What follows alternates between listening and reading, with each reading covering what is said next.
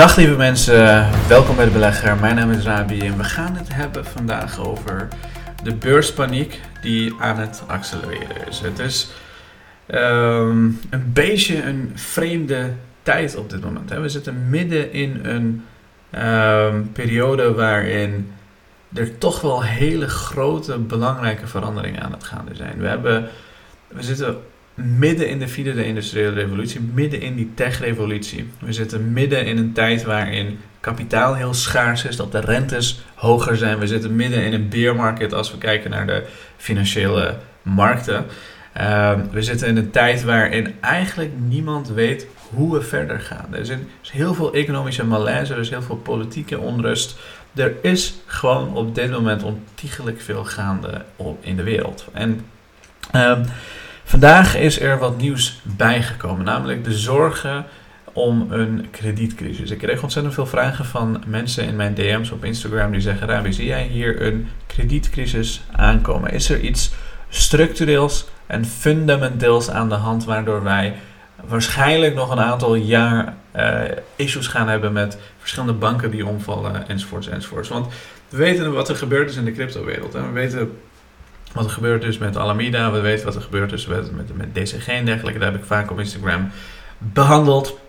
We weten zelfs dat onze eigen Bitfavo hier in Nederland in enorme problemen is gekomen. Omdat uh, ook in, in die cryptowereld heel veel shit aan de, hang, uh, aan de hand was. En we weten dat inmiddels de Silicon Valley Bank uh, aan de rand van faillissement staat. Sterker nog, je zou ze zelfs theoretisch failliet kunnen verklaren inmiddels. Ze zitten nu onder bescherming van de FDIC. Dus dan heb je het best wel uh, ja, niet, niet, niet zo heel goed gedaan, laat ik het zo zeggen. Maar goed, um, wie ben ik? Laten we het hebben over wat er hier aan de hand is. Kijk, de Silicon Valley Bank. Gisteren heb ik er nog een video gemaakt dat er uh, paniek is op de beurs, dat er paniek is bij beleggers. Maar inmiddels weten we natuurlijk ook wat er meer, meer wat er aan de hand is. Want toen wisten we alleen nog dat ze extra aandelen van 2,2 miljard wilden uitkeren om wat geld op te halen. En we wisten dat ze 1,8 miljard verlies hadden gemaakt, omdat heel veel klanten hun geld terug wilden. En zij hadden obligaties uh, gekocht met uh, dat geld die, tegen een best wel lage rente. Ik geloof zo'n 1,79. Inmiddels is dat bijna 4, zoveel in, in, de, in de VS. En gaat richting 5% zelfs. En Daarop hebben ze een flinke verlies moeten nemen, omdat ze die obligaties hebben verkocht tegen een lagere prijs. Ze moesten wel, want die, die mensen wilden hun geld terug. Simpel. Dat is een bankrun. En uh, dat is gebeurd en dat heeft ze ontzettend veel tot grote verliezen laten leiden. En uh, ja, dit is waar we nu in zitten. Ik zou je zo meenemen even door een samenvatting. Die heb ik hier op de belegger.nl geschreven. Waar ik overigens regelmatig vette, gave toffe, fantastische content schrijven waar ik ontzettend veel goede, mooie feedback over krijg. Zoals bijvoorbeeld de meest gelezen, De bodem is in zicht voor beleggers. Die heb ik geschreven ongeveer toen de laatste bodem er was. Ik weet niet of dat uh, daadwerkelijk de bodem gaat zijn, maar ik leg daarin mijn beeld uit bij wat ik denk. De beste kunstmatige intelligentie aandelen, maar ook...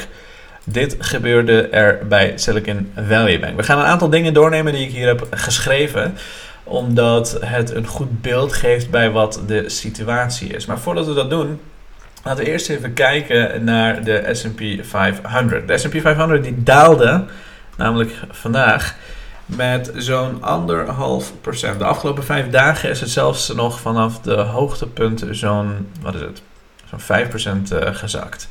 En ik krijg uh, overigens in deze bearmarkt ontzettend veel vragen van mensen die zeggen: ja, hoe lang gaat het duren en waarom ben je altijd zo optimistisch? En noem maar. Want op dit moment zijn iedereen altijd ontzettend pessimistisch. En ik, ik zie daar persoonlijk, weet ik niet waarom uh, je pessimistisch zou moeten zijn. Ik bedoel, als je eh, een beetje uitzoomt en naar honderden jaren kijkt, dan uh, als je haast hebt, oké, dan snap ik nog dat je, laten we zeggen, pessimistisch bent. Ik heb geen haast. Voor mij, ik, ik heb geen reden om pessimistisch te zijn over de toekomst of over whatever dan ook. En sterker nog, ik word regelmatig gevraagd van, kan je jezelf niet beschermen tegen, of hoe bescherm jij je portefeuille tegen de, een, een dalende Nasdaq of iets dergelijks, omdat ik veel tech bezet. En ik kan je één ding vertellen, ik bescherm mijn portefeuille niet. Ik hoef mezelf niet te beschermen. Um, er is altijd een of andere lam. Uh, ja, ik zal even het respectvol houden. Is altijd, er zijn altijd wel mensen die komen. Ja, maar heb je jezelf beschermd met put-opties? Of beschermd met goud? Of beschermd met bitcoin? Of beschermd met dat? Of beschermd met zo? Dat hele beschermen, dat is een woord voor mensen die angstig zijn, die bang zijn ergens voor. En je gaat niet jezelf beschermen door een of andere pot of call optie te nemen tegenover je portefeuille. Je gaat niet jezelf beschermen door geld onder je bed te, te, te, te verstoppen. Want je hebt geen enkel benul, geen enkel idee wat de beurs gaat doen de komende jaren. Dus of je nou denkt jezelf te beschermen of niet, je beschermt jezelf hoogst mogelijk niet. Sterker nog, als jij een, een, een, een, een put of call optie neemt en de beurs gaat omhoog, omlaag op dat moment, afhankelijk van wat je hebt gekocht, dan heb je jezelf niet beschermd. Dan heb je jezelf eigenlijk nog meer in de voet geschoten. Of je hebt een heel groot gedeelte van je rendement afgepakt. Door jezelf te denken te kunnen beschermen. Maar goed, iedereen zijn eigen ding. Ik doe dat zelf persoonlijk niet. Ik doe niks anders dan wat ik normaal doe. Dat is in fantastische bedrijven beleggen. Die financieel gezond zijn, die duidelijke, sterke, goede, competitieve positie hebben. En die voor de lange termijn heel veel welvaart genereren. En dat is heeft voor mij de afgelopen tien jaar goed gewerkt. Uh, dat heeft voor letterlijk iedereen, zelfs Warren Buffett, die de afgelopen 80 jaar belegt, goed gewerkt. Dat is wetenschappelijk bewezen zodat het goed gewerkt is als je goed gediversifieerde portefeuille hebt. En ja, mensen kennen alleen mijn tech portefeuille, maar mensen die lid zijn van onze community, die weten ook dat ik een heel robuuste uh, eh, portefeuille heb die goed uh, gespreid is. Um, maar kijk, elke bearmarkt is anders. Hier dachten mensen ook in 2018 dat de wereld zou vergaan. Dat was een, uh, duurde ongeveer een jaar zowat, of een aantal maanden, een half jaar of iets dergelijks. Hier dachten mensen de wereld gaat, vergaat en wij, wij, we gaan het nooit meer redden. Als we teruggaan naar 2000 en 2008, hier dachten mensen twee jaar lang dat we nooit meer zouden herstellen. Sterker nog, twee jaar later, boom. Uh, Oké, als je hier had gehoord, dan was het wel een beetje vreemd. Maar goed, zelfs dan stond je nog steeds kiet. Maar um, hier dachten mensen van uh, twee, drie jaar lang zowat uh, dat, dat het nooit meer goed zou komen. En nu zitten we, wat is het, bijna een jaar en een aantal maanden in een bear market. En nu heel veel mensen zijn angstig over de toekomst. Heel veel mensen maken zich zorgen, over allerlei dingen. En die zorgen zijn terecht. Maar het is belangrijk om een duidelijk een goed plan te hebben. En uh, voor mij persoonlijk ik doe niets anders in deze tijden dan dat ik normaal zou doen.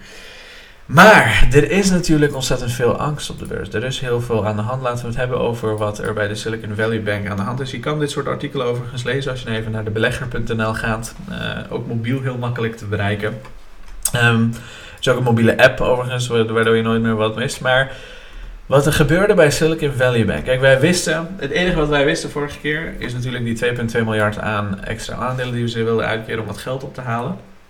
En uh, die 1,8 miljard verlies. En sterker nog, zij hebben, zij hebben het best wel klungelig en lelijk aangepakt eigenlijk als je erover nadenkt. Ze kwamen uh, eerst met het feit dat ze 1,8 miljard verlies hebben gemaakt. Omdat ze die, die, die, uh, die, die leningen die ze hadden, moesten ze ehm, dekken. Um, ze, kwamen eerst daarmee en daarna wilden ze nog wat geld ophalen. Kijk, je kan niet als bedrijf eerst komen, we maken belachelijk veel verlies, dus we gaan geld ophalen. Je zou, als je echt de goede. Ja, ik weet niet of ze de slechte intenties hadden, maar als je het slim wil aanpakken. En dit is wat heel veel bedrijven overigens doen. Heel veel bedrijven die doen dat. Je komt eerst met een aandelenpakket, want het bedrijf zag er financieel heel, heel erg gezond uit aan de voorgrond. En, uh, Um, ik heb ze zelf in mijn watchlist gehad. Ik zou er prima in, hebben belegd. Um, als die waardering niet zo belachelijk hoog was, omdat het gewoon zo'n financieel gezond goed bedrijf was. Uh, maar goed, bij banken is het gevaar van een bankrun heel erg groot. We gaan zo even doornemen wat er precies is gebeurd. Maar, en wat ook de implicaties zijn voor de toekomst en dergelijke. Maar er is dus ja, heel simpel. Uh, voor, voor, voor banken is er altijd een groot gevaar dat er zoiets als een bankrun zou kunnen komen. Vooral voor banken zoals een SVB die niet heel gediversifieerd zijn, die niet een hele brede omzetstroom hebben, een winststroom hebben om, um, om, om, om van alles nog wat te kunnen dekken. Um, De hele korte samenvatting is dat ze natuurlijk dat, uh, dat, dat, dat geld afboekten en extra aandelen wilden uh, ophalen. Maar daarna venture capitalists, oftewel hun klanten, laten we zeggen, hun klanten zijn VC's en, en startups, de founders daarvan, schoten vervolgens um, in, in, in paniek en veroorzaakten massaal een bankrun door hun geld van de bank vandaan te halen. Op donderdag haalden klanten in totaal zo'n 42 miljard. Dat is echt bizar. Uh, weg bij de bank en heeft de FDIC ze inmiddels in bescherming genomen en alles bevroren. Niemand kan dus bij hun geld. Het is heel simpel. Volgens mij, iedereen wilde hun geld uh, bij de bank vandaan halen en zij konden simpelweg niet aan al die dingen voldoen, want ze moesten al dat geld met heel veel verlies verkopen en dat konden ze simpelweg niet aan. Heel, heel, heel simpel. Als die bankrun er niet was geweest, hadden ze waarschijnlijk nog een aantal jaar doodgebloed. Maar goed, uh, die is er wel geweest. Um, wat grappig is, is dat de CEO, en dat zeggen ze altijd in dit soort uh, gevallen, daarom zei ik ook bij Bitfavo, je moet altijd kritisch zijn. Um, geen paniek, zei de CEO. En uh, niemand nam dat natuurlijk serieus, want als je een beetje de techwereld kent, dan weet je dat die visies en founders elkaar heel erg goed kennen. Die zijn heel goed verbonden, dus een hele hechte community. En wat er gebeurde is, uh, een van de meest prominente fondsen, Union Square en Code uh, Management, die stuurde een e-mail naar alle startups die ze beheren. Dus ze hadden een, een, lijst van alle startups, alle founders, die stuurden ze een e-mail en ze zeiden, moet al je geld van SVB vandaan halen, want uh, er zou mogelijk een bankrun kunnen, kunnen, kunnen komen. Maar omdat al die mensen hun geld er vandaan halen, haalden, is er dus ook daadwerkelijk een bankrun geweest. Hij zei letterlijk, haal je portfolio's, uh, deposito's eruit, het gaat mislukken. En ironisch genoeg mislukte het dus ook. En je hebt dan, je, noemt dat dan een self-fulfilling prophecy. Of heel veel op Twitter noemden ze letterlijk iedere VC het een self-fulfilling uh, prophecy. Um, maar wat er daarna gebeurde is misschien nog wel interessanter. De FDIC die nam het stokje over. Die zei: Jongens, wij kunnen, uh, jullie, jullie, kunnen jezelf hier niet in de uitredden. Want uh, SVB die probeerde eerst aandelen uit te keren. Die, ze, die probeerde zelfs tijdens die grote daling hun aandelen te verkopen. Omdat ze geld wilden ophalen. Maar dat, dat aandeel dat zakte zo gigantisch in elkaar. Dus het was al 60% gezakt gisteren. maar vandaag is het weer 60% gezakt.